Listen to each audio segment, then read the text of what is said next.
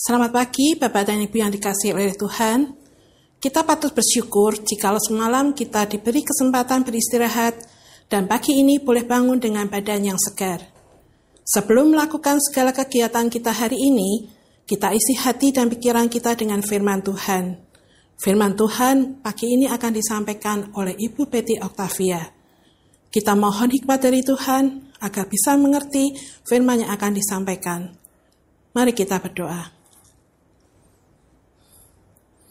Selamat pagi Bapak, terima kasih atas penyertaan dan perlindunganmu pada kami hingga hari ini. Kami mau mendengarkan firman-Mu, kami mohon kiranya Bapa mau bukakan hati dan pikiran kami, sehingga kami bisa mengerti firman yang akan kami dengarkan. Terima kasih Bapa. Dalam nama Tuhan Yesus kami berdoa. Amin.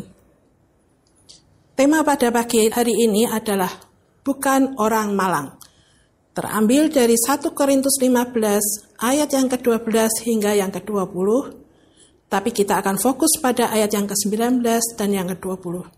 Demikian firman Tuhan. Jikalau kita hanya dalam hidup ini saja menaruh pengharapan pada Kristus, maka kita adalah orang-orang yang paling malang dari segala manusia.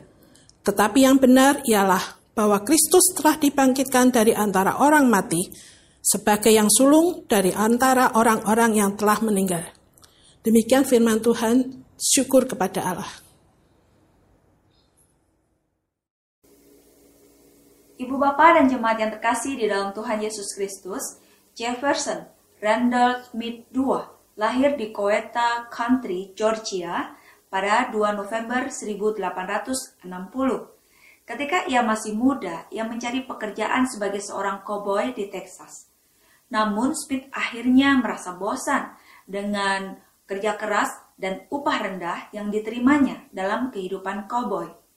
Ia memiliki gagasan untuk menghasilkan lebih banyak uang dengan cara menipu. Ia memulai usaha tipuannya dengan pertunjukan manusia prasejarah di salah satu kota di Colorado.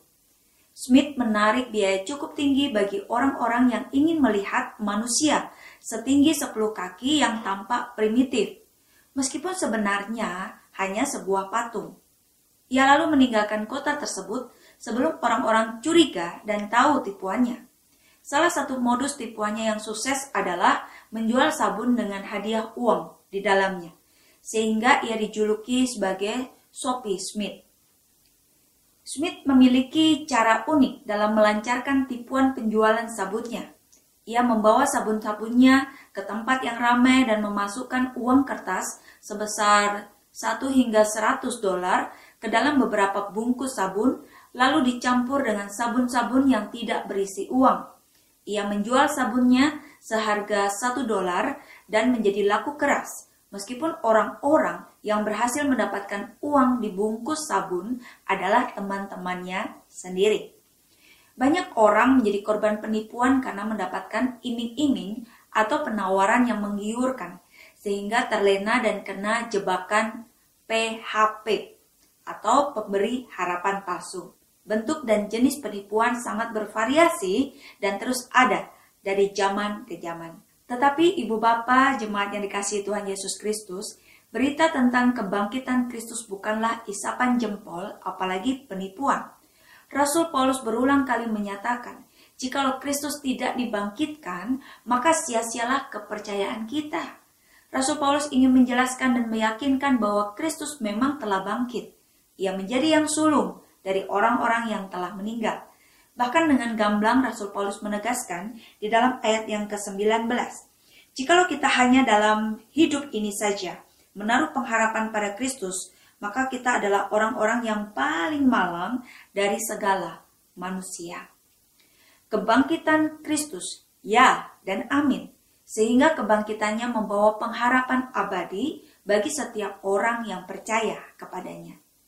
Setiap murid Kristus tidak akan mati selama-lamanya, melainkan akan dibangkitkan dan hidup bersama Kristus dalam kemuliaannya.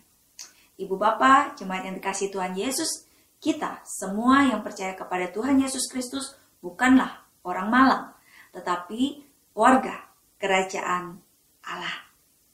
Amin. Mari kita berdoa. Bapak Surgawi, terima kasih untuk karya keselamatan yang telah dinyatakan bagi kami semua di dalam putramu Tuhan Yesus Kristus. Kebangkitannya telah memberikan pengharapan bagi setiap kami, sehingga kepercayaan kami kepada Tuhan tidak akan pernah sia-sia. Kami bukanlah orang malang, tetapi kami adalah bagian dari warga kerajaan Allah yang dapat menikmati segala kasih, karunia, berkat, anugerah, kemurahan Tuhan, dan kehidupan yang kekal. Terima kasih untuk kebenaran firman Tuhan yang boleh kami renungkan pada hari ini. Kiranya kebenaran ini juga boleh menjadi sukacita dan semangat bagi kami untuk menjalani kehidupan kami sebagai orang-orang percaya di dalam Tuhan Yesus Kristus. Terima kasih. Kami persembahkan hari ini dan segala aktivitas kami hanya di dalam satu nama, Tuhan Yesus Kristus. Amin. Selamat pagi, selamat berkarya. Tuhan Yesus memberkati.